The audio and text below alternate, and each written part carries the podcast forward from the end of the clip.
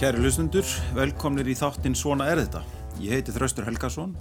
og viðmælindi minn er Silja Bára Ómarsdóttir, profesor í stjórnmálafræði við Háskóla Íslands. Fórsetakostningar fara fram í bandaríkjunum á þriðu daginn og þótt sá viðburður skipti yfirlega miklu máli fyrir heimsbyðina alla, þá hefur það kannski sjaldan verið jafn augljóst og nú að úslitt kostningana munu hafa verulega áhrif á stjórnmálaþróun í bandaríkjunum og jafnvel víðar um heiminn. Vali stendur annars vegar á millið Donald Trump sem er óhefbundin stjórnmálamæður sem hefur farið í gegn bandaríska stjórnmálakerfinu, fjölmiðlum, ýmsum alþjóðastofnunum sem bandaríkjumenn hafa átt samstarf við og breytt pólitískri orðræðu í heimalandi sínu. Hinn kandidatin, Joe Biden, er að flestu leiti andstæða Trumps. Hefur starfað innan demokrataflokksins nánast alla sína starfsæfi sem þingmaður og svo var að fórseti Baracks Obama frá 2008 til 2016. Ég ætla að ræða við Silju Báru um bandar í stjórnmál, kostningarnar, frambjóðunduna, möguleg úrslitt og áhrif þeirra. Silja Bára var um árabil við námi bandaríkjunum og er einn af helstu sérfræðingum landsins um þarlend stjórnmál.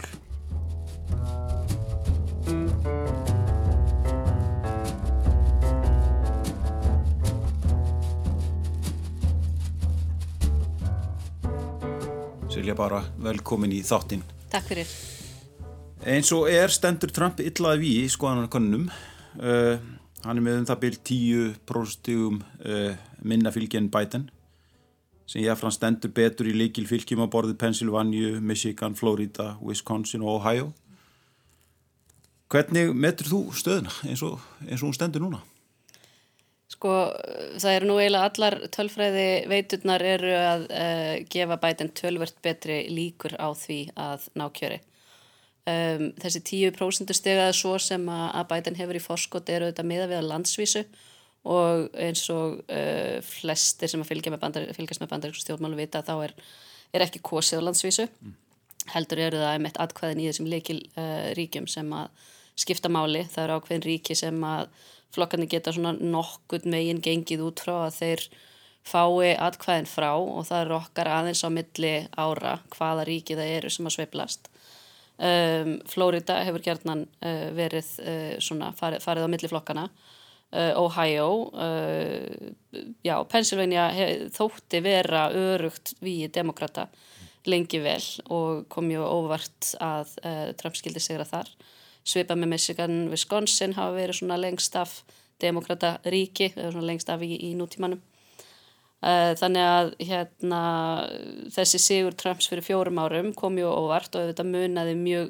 fáum atkvæðum í þessum þremur leikilríkjum þá uh, sem að þýttu það að hann fekk meira hluta uh, kjörmana þótt að hann fengi mun færi atkvæði kjósenda. Þannig að núna er bætinn stendur stert að við í flestum kostningum, hann er innan skekkimarka kannana í mörgum ríkjum þar sem að Demokrautum hefði þótt óhugsandi að þeir væru að eldast við atkvæði, til dæmis var bara í Georgiu í hvað gæra fyrir dag, eða núna fyrir vikunni, að, hérna, eh, að, að já, leitast eftir stöðningi kjósenda. Uh, demokrataflokkurinn í Texas er að leggja gríðarlega áherslu á það að demokrater kaupi auglýsingar þar mm. uh, leggja meira í auglýsingar heldur en þess að 6 miljónir sem að, að frambóð bætins var búið að setja og þá fara fram á það við flokkin að hann myndi kaupa allt upp í 20 miljónir setja allt, allt upp í 20 miljónir í, í auglýsingar Eru líkur á því að hann vinni Texas? Ég vegna þess að það er bara komið innan einhverja skekkjumarka í konunum mm. og hérna bara og þó að myndi kannski ekki sigra en að sína sína að það væri nöymt þá er það strax uh, sterk skilabóð til þeirra sem að styðja demokrataflokkin þar. Þannig að það eru ímis, ríkið sem að stendur nöymt að fórskotið er mjög gott á landsvísu en í þessum ríkjum sem að sannilega munu skipta leikilmáli uh, Florida er eitt sérstaklega fyrir Trump að hann þarf að hann getur varðla unnið á þess að vinna Florida. Það er kannski einhver svona af, af einhverjum hundruðum tölfræðilegra leiða þá stendur hann með held ég eina eða tvær eftir opnar þegar að Florida, ef, ef, ef hann sér ekki Florida mm. um, Þar stendur bætin betur Þar stendur bætin nefnilega betur í, í bili og hérna það sem að e, þar, þar auðvitað eru hérna kjósundur eru svona frekar í eldri kantinu margir sem að setjast þar í helgan stein uh, margir sem hafa kosið uh, fyrirfram eða kosið utan kjörfundar og, en, en á móti kemur að republikanar hafa verið mjög öflugir þar við að koma fólki á kjörskrá, skrá nýja kjósundur sem að gætu síðan skila sér á kjördag og breytt útkominni. En í þessum ríkjum sem að, að uh, munir sennilega hafa, eins og segi, Florida fyrir Trump, líkilatriði, fyrir Biden og sennilega það ríki sem að mun, svona sem úrslitin munu velta á, að það er að segja ríki sem að kemur uh, segurvegarunum yfir 270 atkvæða markið, er að öllum líkjendum Pennsylvania. Þar er Biden, hann hefur lagt gríðarlega áherslu á það ríki í, í kostningabartunni en uh, þar er fórskotið tölvert minna heldur en á landsvísu að, að, og, og með skekkjumörkum að þá kannski er hann uh, bara einhverjum kannski 2% yfir og 2% í, í konunum verða auðvöldlega að, að mínus 2% hérna í, í kostningum. Mm. Þannig að það eru hérna, sko vísbendingarnar eru góðar fyrir, fyrir bæten en uh, ég held að ég eins og flestir sem að fylgjast með bandarískum uh, kostningum séum uh, mun varkárari núna í að, að draga álíktanir af líkindum sem að setja fram heldur en við vorum fyrir fjórum árum þegar að, að flestar þessar tölfræði veitur voru að gefa Clinton 95-99% líkur og, og 538 sem að, að sagði að hún ætti ekki nema 70% líkur á sigri Uh, bara hérna, já, hluti mjög bátt fyrir að telja Trump eiga þetta mikla möguleika. Mm. Hjá þeim á Trump núna uh, um 12%, 11-12% líkur á sigri og það er hérna, ein útkoma af 11. Þannig að já, það, það er ekkert, það er ekkert ómögulegt. Þetta mm. eru miklu verri líkur en þetta er algjörlega möguleiki og það þarf ekkert ofbúslega mikla skekkjur og eitthvað sem að síðan kannski getur komið betur að setna það sem að að hérna, það sem auðvitað er sérstakt við að hvaða greiðist þessar kostningar í bandaríkjónum er að uh, þetta eru 51 kostning, Já. það er kostið í öllum ríkjónum 50 og í Washington DC og hvert ríki setur sína reglur, það er ekki allríkisreglur um framkvæmt kostninga, þannig að það gilda ólíka reglur á milli ríkja. Og það sem að gerist núna í upphafi vikunar var að hæsti réttur með 8 dómara, rétt áður en að Amy Coney Barrett var uh, staðfest hérna af þinginu í ennbætti uh, tók fyrir mál sem að varðar talningu utan kjörfundra eða póstatkvæða í Wisconsin mm -hmm. þar sem að demokrataflokkurinn fór þess á leit að atkvæði sem eru póststimpluð uh, á kjördag að þau verið talin þó þau berist ekki fyrir en eftir að kjörstöðum lokar og uh, domstólar í Wisconsin höfðu samþygt þetta en republikanaflokkurinn fór með máli til hæstaréttar og hæstaréttur snýri domnum við Þannig að, hérna, og fyrir okkur í íslensku samhengi held ég að það sé óhugsandi að atkvæði væru talin eftir að, að kjörstöðum lokar, en þetta er venja í mörgum ríkjum. Þetta væri breyting á reglunum uh, hérna, í Wisconsin eins og þær hafa verið og hérna er einhver útvíkun á lögunum eins og ég skilða það en með það að markmiði að koma til móts við vilja kjósenda mm. og viðkenning á því að uh, Wisconsin ríki hefur sagt að það geti tekið alltaf tíu daga fyrir kjörseðla berast þannig að jafnvel kjósandi sem að setur uh, seðlinsin í post uh, 20. og, og hvað var mánudagurinn uh, hérna 7. Mm -hmm. 5. 7. oktober hann getur ekki verið örugur með að seðlinn berist fyrir, uh, hérna, fyrir lokun kjörstaða á kjördag mm. og uh, þá sögðu einhverju dómarar og republikanar að, að, hérna, uh, að kjósundur gætu bara fylst með vegna þess að sælar eru rekjanlegir, það er líka eitthvað sem okkur er mjög framandi, Já. að þú getur farið inn á gagnagrunn kjörstjórnar og séð hvort að seðlinn hafi borist og hvort hann sé talin lögmættur en uh, í kostningunum 2018 fyrir kannan 2016 og þá var reyndin vist svo í Wisconsin að það tókum 45 daga fyrir þær upplýsingar að berast já, já. þannig að það er ekkit bara fyrir um jólin mm. þannig að, að kjósendur njóta ekki þessa aðgangs að uh, upplýsingum um uh, örlög kjörseðilsins en vegna þess að þetta núna þetta er úrskurður frá hæstarétti að seðlar þurfa að berast fyrir lókun á kjördag í Wisconsin, mm. þetta ekki við í Pennsylvania til dæmis sem er bara stutt frá að e, þá er alveg möguleiki á að fullta fólki hafi kosið e, telji sig hafa kosið en að atkvæði þess verði ekki talin. Já. þannig að þannig líka er hlutur sem kemur inn og, og hérna, getur skekt útkomuna miða við þessar skoðanakannanir. Það eru uh, talsveit fleiri uh, að kjósa núna heldur en síðast 2016 Er það ekki svona eitthvað sem á eftir að er þetta ekki fólk sem er eh, líklegt að sé að óska eftir breytingum? Jú, það eru annars vegar rannsóknir sem að, að sína það að, að uh, vald hafi tapi frekar á góðri kjörsókn. Uh, Republikanir og Donald Trump þá fremstur í flokki fyrir þessa afstöðu telja að, að betri kjörsókn komi niður á þeim. Það er að segja þegar að fleiri mæta á kjörstað þá séu það aðalega kjósundur demokratana. Og í þriðja lagi þá er uh, svona nýlegt mótel uh, hérna uh, tölfræðingur, stjórnmálfræðingur sem notar tölfræðaferir sem heitir Rachel Bittekoffer. Hún setti fram líkan fyrir þingkostningana 2018 þar sem hún spáði fyrir með sagt, um, um hvert einasta hérna, kjördæmi í fulltróðdeildinni. 435 spáði reynda bara fyrir þau sem að, að voru hérna svona, einhver, var eitthvað spenna í. En uh, hafði rétt fyrir sér um öll nema eitt. Já, og hún setur fram kenningu um það sem hún kalla neikvæða flokkshóllustu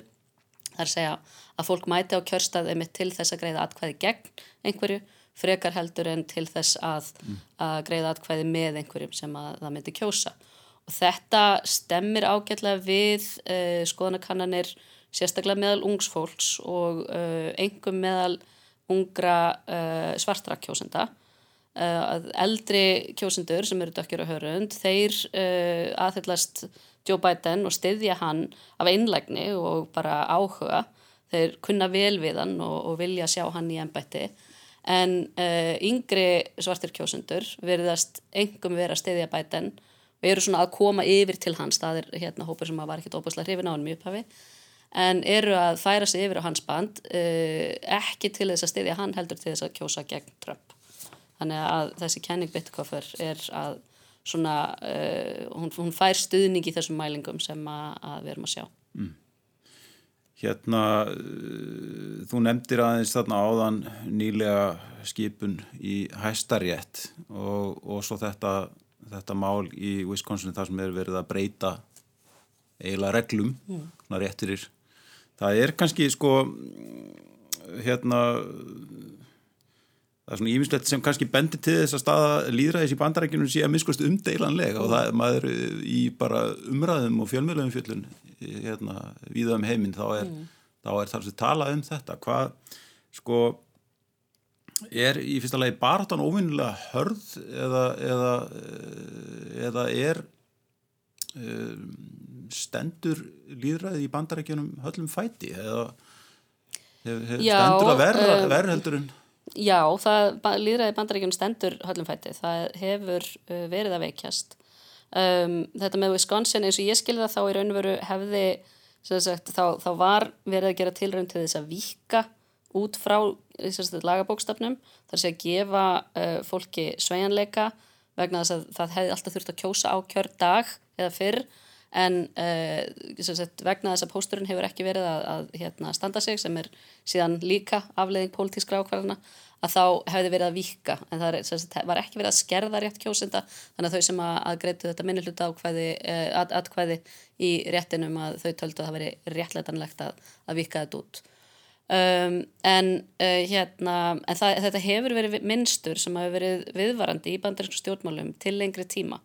og þetta muna uh, held ég mörg okkar eftir uh, kostningunum 2000 þar sem að það stóð á, á rétturumlega 500 atkvæðum í Flórida hvort Góriða Bush er þið mm -hmm. fósiti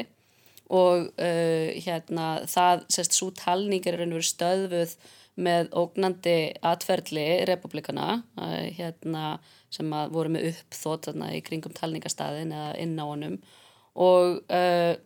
og síðan með stuðningi hæstaréttar mm. og hérna og núna eru komin í hæstarétt tveir lögfræðingar sem að, að störfuð að því máli fyrir bús þar að segja að Kavana og uh, núna Connie Barrett sem að, að kemur inn uh, vantalega bara eftir örfa á daga um, þannig að síðustu að minnst kosti 20 árin þá höfum við séð aðferðir og, og atferðli sem að hafa miðað að því að skerða aðgengi borgarna að kostningarétti. Og uh, möguleika þeirra á að nýta sér kostningarétt sinn þetta er ekki nýtt, þetta var líka eitthvað sem við sáum uh, náttúrulega eftir að, að uh, hérna, svartir fengu kostningarétt í bandaríkjunum eftir uh, borgarstyrjöldina líka eitthvað sem við sáum uh, hérna, uh, snemma á 19. á 20. öldinni og svo aftur í kringum baróttu svartara fyrir borgarlegum réttindum á, á sjönda áratögnum. Þannig að, að ímsar aðferðir hafa verið notaðar hvort sem það er að segja að þú þurft að sína fram á lestra próf, þú þurft að vera með skilriki með mynd sem að týðkast ekki víðast, uh, víða í bandaríkjónum og alls konar svona aðferðir. Um, þannig að eitt af því sem að sínur okkur líka bara á uh, svona mælanlegan máta að, uh, að líðræði bandaríkjónum er í hnygnuna fasa, það eru mælingar frá Freedom House sem að, að hafa verið uh, gerðar reglulega frá ég held snemma á tíund áratug síðustu aldar og bandaríkinn voru bara þar frekar ofalega uh, lengi vel. En uh, á milli 2003 og 2009 þá uh, fóru þau sérst, þá, þá fór mælingin úr 2003 er sett á svona 100 stega kvarði hjá Freedom House og bandaríkinn voru þarna vel yfir 90 og ég held að við dottir niður fyrir 90 2009 og það er ekki, sagt, það eru þetta árið sem Obama tekur við völdum en það er einmitt ekki valdataka hans heldur er það allar þær skerðingar sem að settar eru á aðgang borgarna að kostningarétti sínum mm. sem, ger, sem gerast í gegnum réttin Einmitt. þannig að með allskynns lagaferðli uh, hérna, málaferðlum þá er verið að koma í veg fyrir að fólk geti nýtt sér uh, kostningarétt það eru líka ímsar ímis uh, ákveðið sem staðir mjög erfitt að greiða ákveðið utan kjörfundar Uh, sem staðar þarf það um þetta að sína fram á uh, skilriki með mynd sem að margir fátakar íbúða bandaríkjana eiga ekki eða er ekki með aukurskýrtin til dæmis uh, hérna sem staðar dögur að sína skilriki aðaldaskýrtinni í, í samtökum skotvopna eiganda en ekki að sína stúdendaskýrtinni frá hérna, viðkjöndum háskóla mm -hmm. þannig að,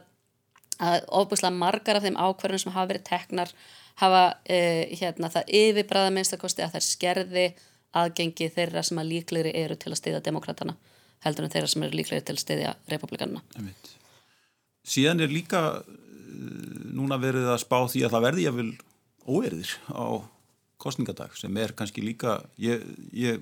nú man ég ekki til þess að það, það hefur verið miklar óerðir á kostningadegi og í vandarenginum svona í setjum tíðamiskosti. Nei, þetta, er, þetta, þetta ár hefur verið greiðilega erfitt fyrir bandaríkjan. Það eru hérna, uh, hérna mótmælinn í kringum Black Lives Matter og, og uh, hérna, mótmæli gegn uh, misbyttingulega örgluvalds sem hafa þetta verið mjög ábyrgandi og, uh, og síðan uh, hinum einn frá þessar, uh, það sem þetta var að komast í fréttir bara núna fyrir nokkrum vikum, skipulagð tilraun til þess að ræna ríkistjóra hérna, Michigan mm og uh, fara í málamynda réttarhöld sem myndu enda með því að hún er tekin af lífi á myndbandi. Þannig að það er undirliggjandi og kræmandi uh, ósætti milli ólíkra fylkinga í bandaríkjanum um það hvernig sé rétt að leysa úr ágræningi og uh, mjög víða eru borgir undirbúnar fyrir það að það verði óerðir og það kannski hérna og, og sem staður auðvitað er fólk að velta fyrir sér hvort að, að það hreinlega uh, verði borgar styrjöld, ég held að það sé nú full uh, hérna, langt gengið og, og held, að, uh, hérna, held áfram að trúa á þær stopnarnir sem, að, sem hafa brugðist eiginlega í öllum sínum hlutverkum uh, á valdatíð Trumps. En hérna en uh, svona að maður býst alveg við að það verði mótmæli, uh, það verði Uh, ógnandi hegðun nálagt kjörstöðum, það er eitthvað sem republikanir hafa gert meðvitað að hérna, það hefur verið í, fyrir hverja kostningar síðan 1981 að þá hafa verið samþygt, uh, ég held að það sé tilskipun um, hérna, um það að, að það megi takmarka réttin til að bera skotvopn í ákveðinu fjalla frá, frá kjörstöðum. Uh, 2018 var það einhver breyting þar á sem að þýðir að núna er þessi tilskipun ekki gildi Þannig að, að mjög, allavega mjög víða geta ríkistjórar ekki uh, sett uh, takmarkandi reglur um þetta. Republikanir hafa verið að smala liði í 15 leikil ríkjum uh, og sagt, eru að, að fá sjálfbóðaliða til þess að halda sig nærri kjörstöðum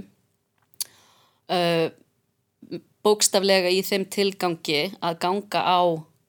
væntalega kjósendur og spyrja þá um hvort þeir megi virkilega kjósa og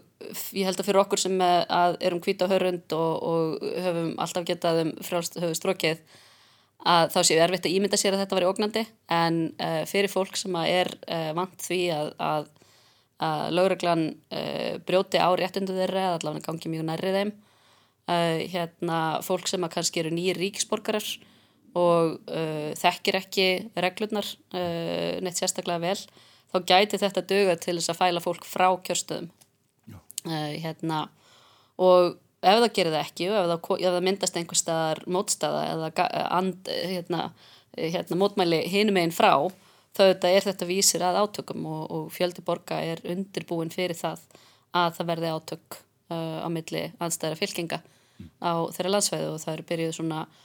byrjuð að senda út skilabóðum að, að hérna, fólk sé beðum að, að uh, já, hafa sér hægt og reyna að forðast svæði sem eru að hérna sem að verist eitthvað að vera hitt í kolonum og svo leiðis þannig að mm. ég held að við getum algjörlega verið viðbúið því bæði á kjördag og síðan í kjölfarið eftir hversu langt, hérna, langt líður þanga til að, að uh, útkoman liggur fyrir að þá líka gæti verið að það erði eitthvað svona, það var gerðan kallað hérna Brooksbröður uppþóttið uh, hérna í Flórida hérna árið 2000 og svona jakkafattaklætt gengi sem að hérna svona var með einhverja tilbyrði í kringum talninguna þar. En þarna erum við að sjá og það sem hefur verið þannig að fréttar hérna, flutningur flestra sjónvastöða hefur verið að það séu hópar sem eru tilbúinir til þess að svona uh, gera það sem þeir telja sig þurfa til þess að, að viðhalda lögum og reglu sem er þá uh, oft að hindra ákveðna hópa í því að kjósa Þannig að já, ég held að uh, við þurfum að minnst að vera vakandi fyrir því að þetta geti gerst. Auðvitað vonamaður að þetta sé allt orðum aukið og, og hérna að þetta sé kannski frekar einhver svona hræðslu áróður en, en uh, þessi, uh, þessi tilraun eða þetta, þessi skipulagning á tilraun til þess að, að ræna Whitmer í, í Michigan. Hún er sterk vísbendingum að það séu þarna undirlikjandi óanæja mm.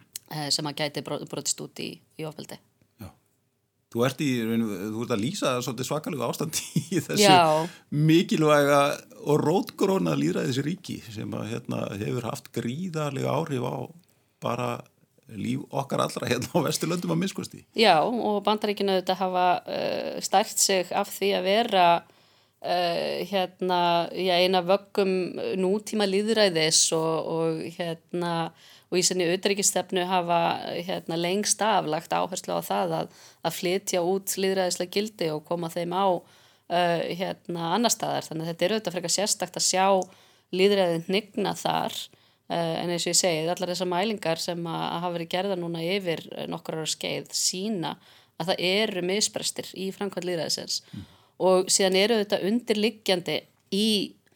bara skipulegi bandaríkjana er spenna á milli uh, litlu ríkjana, þar segja þeirra fámennu og eina fjölmennu.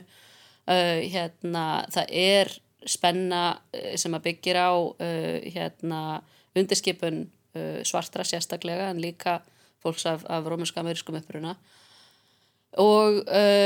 og síðan er hérna síaukinn skautun í samfélaginu á milli republikana og demokrata þannig að það eru það er alls konar hættu merki mm -hmm. og mér finnst hérna mér finnst alltaf óbúslega óþægilegt að tala um þetta vegna mér finnst að ég vissuleiti með því að orða þetta sé ég gefa þessum hugmyndum einhverjar hérna, réttlætingu og eins og ég sé haldaði fram að þetta sé að fara að gerast mm -hmm. ég er ekki að gera það en, en hérna en það eru, eins og ég segi þú veist það eru misbreysti þarna sem að gætu stutt við þetta ferðlega að það fer á stað mm. og uh, mér þykir Trump hafa gert mikið í því að uh, íta undir uh, hérna, hugmyndir kvítra öfgahópa sem margir eru vopnaðir mm -hmm. og eru starfandi sem sjálfstæðir klúpar má, uh, jáfnvel svona eins konar félagsamtök að, að gefa þeim skilabóðum að það muni þurfa að grýpa til vopnavalds til að tryggja áframhaldandi veru hans í ennbætti. Þess að vissuleiti þá uh, hérna, með öllum sem aðferðum sem að sérstaklega republikanar eru að nota til þess að fækka töldum atkvæðum þá er eins og séu ekki að reyna að sigra í kostningunum heldur bara að reyna að halda völdum. Og oftast hefði maður haldið í líðræðisríki þá færu þessi tveir punktar saman. En hérna þarna verðist vera uh, að þeir að skilja stað Já. Ertu samálaði sem að ég uh, saði hérna í inganginu að þessar kostningar muni að gætu haft meiri og afdreifaríkari áhrif og þróun bandaríkra stjórnmála en margar fyrir kostningar? Já, ég hef nú hérna fylst með eh, kostningum í bandaríkjunum frá því ég var hérna nýjára, ég man eftir að uh, fylsta mikið aðtikli eins og, og eins og hægt var með fjölmila þess tíma, kostningunum millir Carters og, og Reagans 1980 mm. Uh, og það hefur nú alltaf verið svona eitthvað, eitthvað element um það að þetta séu mikilvægustu kostningar sem að nokkur sinni hafa farið fram og þá likum við í heiminum ekki bara í bandaríkjunum. Uh, hérna því að það eru þetta Uh, hérna, bandarísk stjórnmálu þetta snúast miklu leiti bara um sjálfsig mm. hérna horfa ekki sérstaklega mikið út fyrir landamærin. Um, en jú, ég held að þetta séu óbúslega mikil, mikilvægar kostningar vegna þess að, að það sem hefur verið að gerast, ekki bara valda tíð Trumps, heldur á valda tíð republikanflokksins eins og hann hefur verið að þróast. Um, það sem að, að minni hluta sérst, atkvæði minni hlutans ná meiri hlutastjórn mm. og eru nótu til þess að hindra uh, hérna líðræðislega kjörnafulltrúa í að ná sínum markmiðum uh, og þá er ég að vísa til dæmis til þess að uh, ég held að við höfum flest hérna sem aftur fylgjast með bandarísku stjórnmálum fylgst mjög vel með skipan síðustu tveikja hæstaréttadómara Kavanaugh og uh, Coney Barrett. Hérna, en þau eru bara toppurinn á ísjakanum. Allt síðasta kjörtímabil Obama þá kom Mitch McConnell og, og republikanir í öldungadeildinni í veg fyrir að Obama geti skipað þá dómari sem hann vildi í alrikistómstóla sem eru miklu miklu fleiri. Fjölskipaði dómar uh, bæði áfrínudómar sem eru á, á svæðis grundvelli og, og hérna og síðan grunn hérna, dómar í á alrikstíðinu uh, þannig að þetta voru fjöldi embætta sem að vegna þess að öldungadeildin er falið það líðræðslega hlutverk að svona meta dómaröfni sem að fórseti vil skipa í, í alrikisembætti og eiga sagt, hugtæki sem er notað í, í stjórnarskrænir advice and consent að, að veita ráð og, og veita samþekki og þetta er eðlilegt að af og til komi eitthvað upp sem að segja þú veist, heyrðu nei, við erum ekki sammála um þennan dómara. En það er ekkert sem segir að uh, þau er að neyta að uh, fara í þessar yfirhyslur til þess að meta til þess að, til þess að geta veitt þessi ráð. Mm. og það var það sem að republikanandi gerðu þannig þeir skildu eftir hálf lamað dómskerfi þar sem að vantaði fjölda dómara þegar Trump tók við og uh, eitt af því sem að, að Trump hefur gert er að fylla í þessi sæti mm. og við, við sjáum umfjöllunina hérna um um hæstaréttadómarana en þetta á líka við um, um aðra alirikistómara mm. þannig að það búið að, að hérna, nota uh, já, nota völdin sem að, að eru þarna og eru til staðar vegna þess að það er skekkja í uh, þessu líraðislega kerfi að það eru færri þessi fáminnari ríki hafa hlutvarslega meira vald uh, meira vægi inn í öldungandeildinni þannig að republikanir hafa stilt af dómskerfið þannig að þeir þurfa ekkert sérstaklega á því að halda að vinna í, í kostningum lengur mm. ekki til nokkur ára allavega ég vil ára töga vegna þess að dómskerfið mun starfa þeim í hag mm.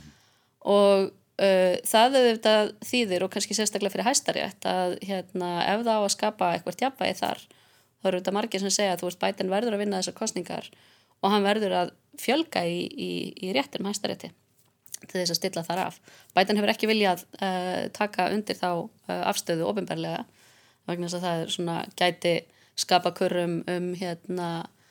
um lögumætti réttar eins og eitthvað í þáttina. En þetta er eitt af því sem að, að uh, fólk óttast er að alveg sama hver lögjöf, hvaða lögjöf verið sett og hvaða öllverða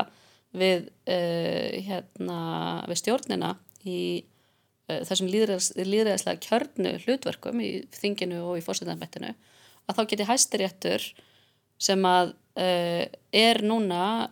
með sex íhaldsama dómara á móti þremur uh, hérna frjálslundum uh, hann geti dæmt þessi lög ógild. Þannig að þannig að jú, þetta eru greiðilega mikilvæga kostningar en að, að tölvöru leiti er uh, bara björnin unnin fyrir republikanina og hérna og McConnell, hérna stótviti meiri hlutans í, í öldungadeildinni sagði það byrjum orðum eftir að, að, Biden, nei eftir að, að Coney Barrett fekk hérna samþykki uh, dómsmálanemdarinnar uh, núna bara sunnudaginn, já, já, í upphafi vikunar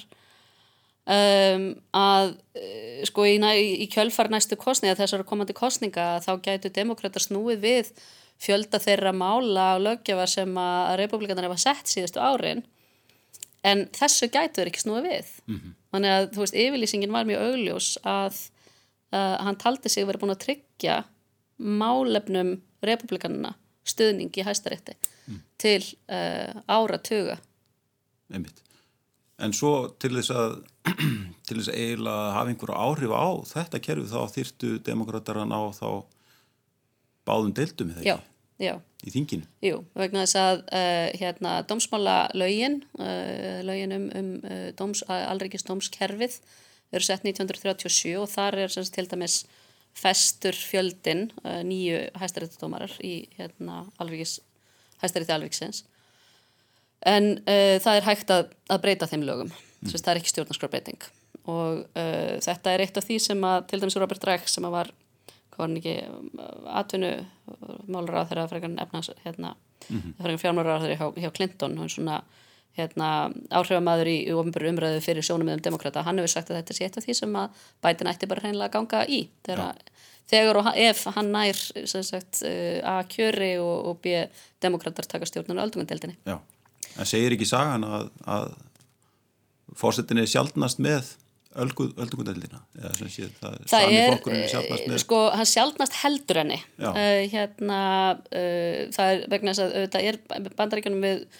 setjum hérna uh, svona, heyrum mest af auðvitað fósættakostningum en það er kosið á tveggjára fresti og það er sópað út úr allri fulltróðadeildinni á tveggjára fresti og hérna auðvitað eru mjög margir fulltróða þar endur kjörnir reglulega. Mjög mikil styrkur að vera sitjandi í ennbætti uh, en síðan er líka þriðjungur úr aldungadeildinni sem er kosið um á tveikjara fresti. Og hérna þar er þetta mjög langt kjörtjómbil, sex ár. Þannig að hérna uh, það, það kemur alveg reglulega fyrir að, að fósetti fari inn á svona öldu síns hérna flokks. Að hann berist þarna inn með, með miklum styrk uh, hérna nái báðum deildum og missi síðan aðra eða báðar í næstu kostningum eftir tvö ár. Þannig að tímin er oft mjög knappur til þess að ná uh, hérna, sínum málum í gegn og, og auðvitað eitt af því sem að, að hérna, Obama til dæmis rætti við Bader Ginsburg 2013 um það hvort hún geti hugsað sér að uh, setjast í helgan stein vegna þess að hann viss alveg að 2014, hann er endur kjörun 2012 2014 gæti hann mist tökin á því að, að hérna, koma sínu fólki í gegn sem að síðan auðvitað var reyndin 2016 þegar Skalíja fellur frá og, og, hérna, og hann tilnefni Garland hérna, og, og republikanir neyta að, að veita honum áheyrn mm. þannig að, hérna, að það er líka þetta sko að, að dómararnir sitja svona lengi veist, og þú veist bara öll þessi mál sem að þarf samþykki þingsins fyrir að uh, það þýðir að, að valda tímabil forseta þar sem hann hefur kannski svona óskoruð völd er oft miklu stittra heldur en þessi fjögur ár sem er kjörinni Við höfum svolítið talað um Trump og í þessum þáttum og aðeins í dag líka en hvað með bætin? Ég á erfitt með átta með á þessum stjórnmálumæli hvernig stjórnmálumæður er hann? Hver eru styrkleikar hans? Uh, styrkleikar hans er hann engum taldir að geta starfa með fólki úr anstæðum fylkingum mm -hmm. Uh, hérna, þegar eftir að hann, hann satu þetta á þingi mjög lengi og hérna var meðal annars uh, talandum sko hæstiréttaskipanir að, að hérna, hann var ábærandi í, í málinu þegar Clarence Thomas var skipaður og hérna kom mjög, kemur mjög ítla út svona í ljósi sögunar þegar við hérna erum með Me Too ofarlega á, á baui og hérna og hugsaum um stöðu að nýtu hill í kringum það mm. að þá kom hann út sem hérna bara reynasta karlremba og, og hérna og svona vil, viltist vilja virtist vilja veita hérna Thomas Skjól sem hann átti kannski ekki, ekki skilið. Hérna, en síðan hefur hann líka verið mjög öflugur í hérna starfi utaríkismálunemdar starfaði þar uh, mjög náið með John McCain sem auðvitað var republikani en hérna, ekki að McCain svona stiður, stiður bæten einmitt á forsundum þeirra góða samstarfs og þess að henni hugnist ekki stjórnunastíl og, og karakter Trumps. Mm. um, þannig að það eru kannski svona hérna, þessi helstu mál, hann líka uh, hérna, átti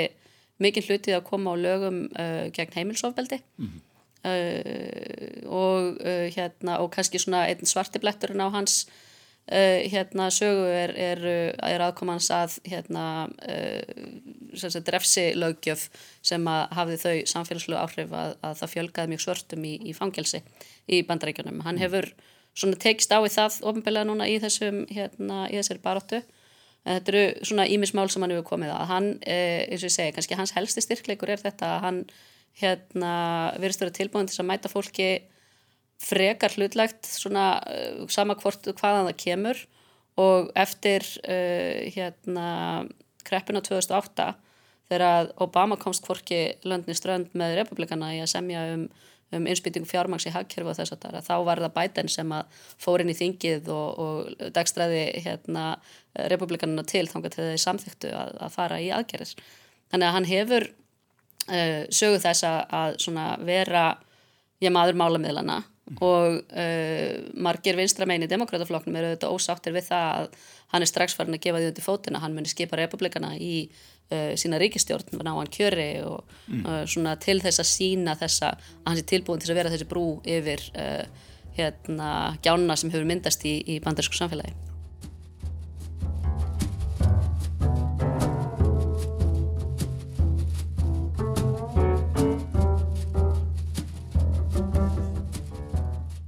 Kæri hlustendur, ég heiti Þraustur Helgason og þið eru að hlusta á þáttinn Svona er þetta. Gestum minna þessu sinni er Silja Bára Ómastóttir, stjórnmálafræðingur. Í þessum þáttum hefur verið rætt við forðinlegt fólk úr ímsum kimum samfélagsins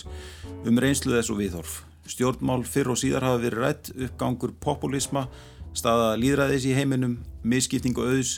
en sömulegis hefur verið rætt um menning og listir, stöðu bókaótgá og listkenslu og tengst þeirra við líðræðið. Guðlugur Þór Þórðarsson, utaríkisráður að rættu um bandaríks stjórnmál og komandi kostningar sem við höfum einni rætt hér í þessum þætti. Hægt er að hlusta á svona er þetta í spilara rúf og í öllum helstu hlaðars veitum. Ég held að það væri mjög erfitt að halda því fram að bandaríska sko, líðveld, eh, líðræðið sé bara einhver, einhver hættu út af, út af uh, á, á, á þessum tímpunkti. Ég sé engin, engin merkið þess eins og er mættu þeirra auðvitað og við möttum hafa þau huga líka að gera hvað ég geta eins til þess að, að eh, svona samina þjóðina og, og já, eh, meira og það eru auðvitað, eilíða verkefni, það eru auðvitað ekki gott þeir eru mjög harðar og hatrama deilur mm. sko í, í, í þjóðfélögum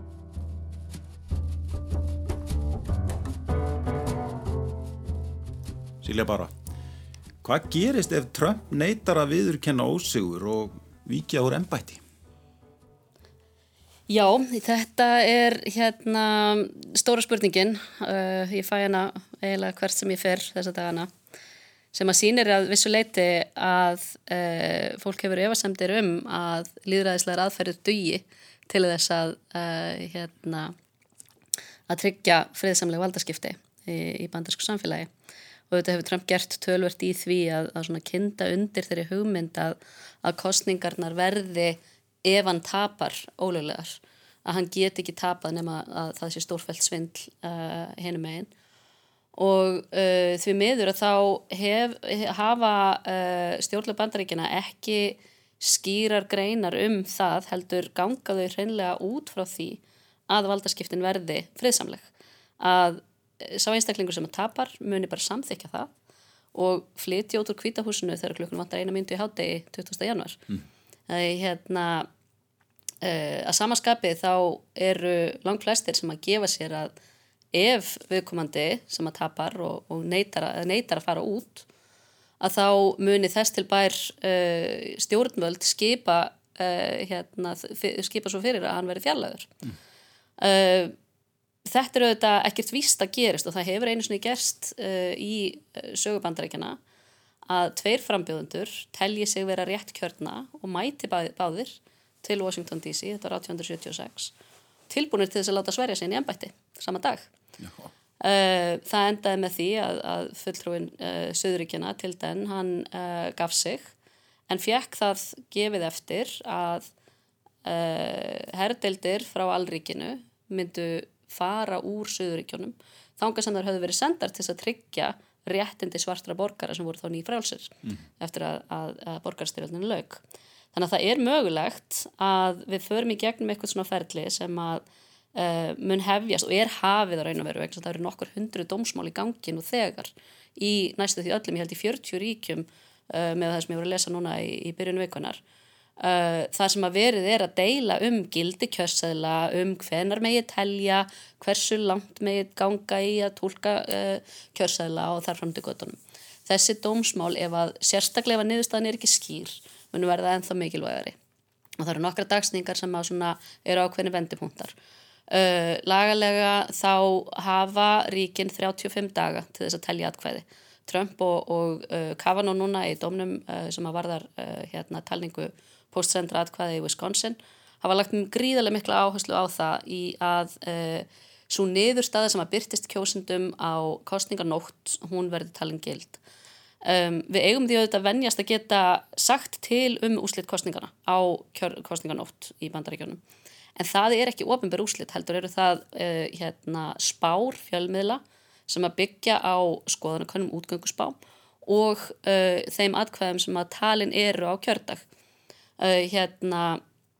síðan er oft verið að úrskurða við hérna vitum það alveg hérna heimur oft einhver vafa atkvæði, einhver utan kjörfundar atkvæði sem að er ekki ljóst á kjörstað hvort eru gild og þau fara til kjörstjórna og það þarf að meta þau og og svona, þannig og þetta er, er alveg sama í bandaríkjunum, það þarf að skoða ímsa segla og utan kjörfunda seglarnir sérstaklega póstatkvæðin, það er líklir að á þeim finnist einhverju vankantar sem að, að leiða til þess að þau verið uh, Báðir aðlar mun vantilega hérna, uh, telja sig hafa réttin sín megin. Uh, hérna, og væntalega munu vilja telja þau atkvæði sem að líti út fyrir að vera þeim í vil. En hérna, það eru alls konar svona atriði sem geta komið upp að fólk skrifar fæðingadaginn sinn í staðan fyrir dagsningu dagsins en það skrifar undir seðilin að það uh, hérna, skrifar nafni sitt með prentstöfum þar sem það á að kvitta og öfugt. Mm. allt þetta er hægt að nota til þess að telja seðila og gilda og þetta uh, mun vera reykistefna um í einhverja daga eftir kostningarnar og jafnvel eftir að uh, hérna, talningu er, er formulega lokið þannig að einhver at, atkvæði verða áfram í, í vafa atkvæðunum mm. sem þetta getur varaði 35 5 eh, daga og þá eru hérna, alls konar málaferðli gangi og hérna síðan sagt, 8. desember uh, þá sagt, þurfa ríkin að vera búin að tilnefna kjörmennina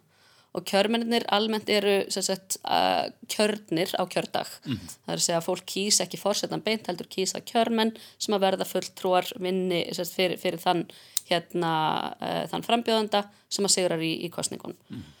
uh, það þurfa að senda þinginu uh, nöfn þessara kjörmanna og þess að láta staðfesta þá fyrir 14. desember þegar kjörmenninir koma saman í hverju ríki til þess að greiða atkvæði það sem að e, svona, skapar auk meðalmargra er að eftir því sem að e, lengra líður frá kjördegi án þess að hægt sé að staðfesta niðurstöðu kostningana þeim en líklega er að stjórnvöldi ríkjónum, þá annarkvært þing eða, hérna, eða ríkistjórar grípi inn í og skipi kjörmun í staðin fyrir þá sem eru kjörnir og þá kjörmun sem eru hodlir uh, sínum uh, þeim flokki sem að við komandi stjórnvald uh, tilherir þannig að það er fræðmaður við hérna, Ohio State University sem er búin að útfæra hérna, möguleikan á því til dæmis ef að Pennsylvania myndi gera þetta og þetta eru auðvitað mun fleiri ríki sem að koma núna til greina sem þetta geti gæst í. Hérna, að ríkin vilji sagt, að, að stjórnvöldi ríkjunum vilji þá tryggja að þau sendi rétta útkomu á sagt, rétta fyrir sig og þá gætu við lendi því þar sem að, að ekki sami flokkur eins og í Pennsylvania er með uh, hérna annars vegar ríkistjórnina og, og eins og er þingið að þau sendi ólík, tvennar ólíka niðurstöður til þingsins að þingi sendir eina hérna, útkomu og ríkistjórn sendir aðra síðan sagt, þetta gerist 14. desember 3. januar er nýtt þing svariðin í ennbætti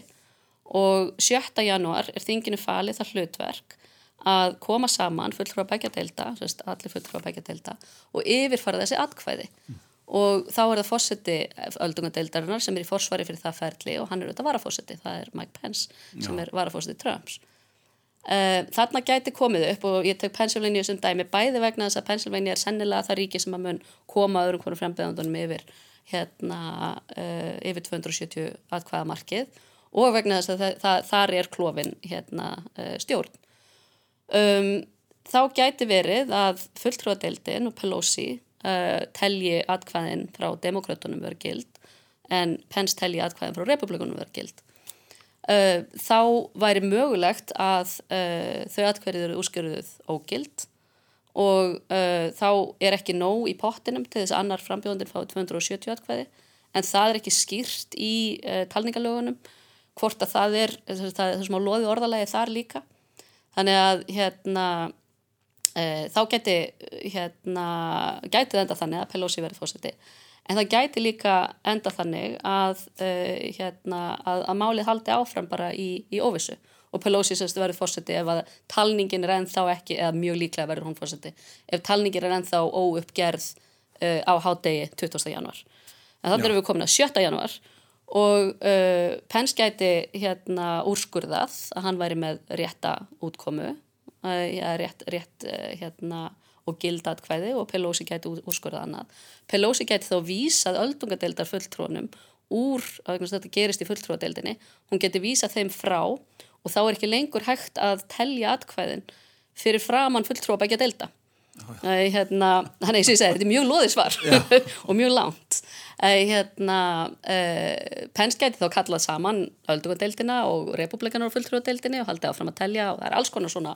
hérna, uh, hérna mögulegar útfæslur á þessu þannig að þetta er bara hérna, þú veist, það fer rosalega mikið eftir hversu lengi útkoman er um deild hvað gerist uh, hérna En sagt, 3. janúar kemur inn í þing þá vikslast hérna, uh, eitthvað, reyfist eitthvað valda hérna,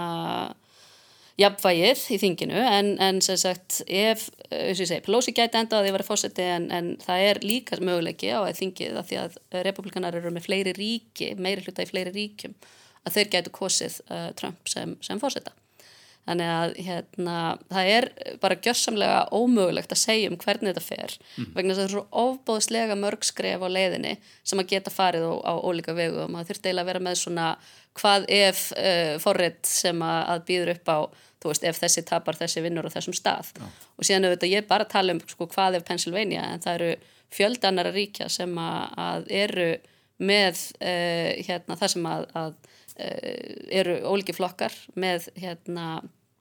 Eh, með, með völd á ríkistjórnar embættinu, ríkistjóra embættinu og þinginu annars vegar eh, þannig að það, það gætu komið sagt, tvö umslög frá mm. einhverjum ríkjum Já. sem að þarf síðan að, að, að slástum í, ríkin, í, í, í allríkistinginu þannig hérna Þannig já, það er uh, þessi, þessi slagur auðvitað verður síðan hérna uh, svona kannski byrtingamind á því að, að það eru það er ekki allkvæði kjósunda sem að endilega skipta máli. En auðvitað vona maður að, að þetta verði að útkoman verði skýr og að, að munurinn á milli uh, frambjóðandana flokkana í sem flestum ríkjum verði afgerandi. Þannig að það þýð ekki að vera að fara í einhver póstatkvæði og, og ætla reynilega að ógilda þau til þess að draga úr trúveruleika kostningan og allt það. En hérna, eins og ég segi, þetta eru hérna Fóli og, og, og félagar hans þessi profesor frá uh, Ohio State sem að hafa svona útvert þetta að þau er raun og að segja þú veist það er eiginlega ómögulegt að segja hvernig þetta, hvernig þetta kemur út Já. en þetta eru, þetta eru öll þessi skref sem að, að, að geta farið á ímsa vegu á leiðinu ángað Já. Þetta er ótrúlega flétta ef að, ef að til kemur. og þetta er auðvitað svona, þetta er eins og sko 2016 þegar sko eitt af mest spennandi var sko ef það verið jafntefli, hvað ja. gerist þá og hvernig fer aðkvæðgreislan í þingin og svona að hérna, þetta er náttúrulega bara pólitist sjónaspil. Já, þetta er ákala forðunilegt Silja, það var mjög gaman að fá því í þáttinn. Eh, skemmtuðu vel á þriði daginn? Já, takk. Þetta verður mjög spennandi kvöld, gerir á fyrir. Takk fyrir komina. Takk fyrir mig. Kæru lusendur, við verðum hér aftur á vikuliðinni. Góða stundir.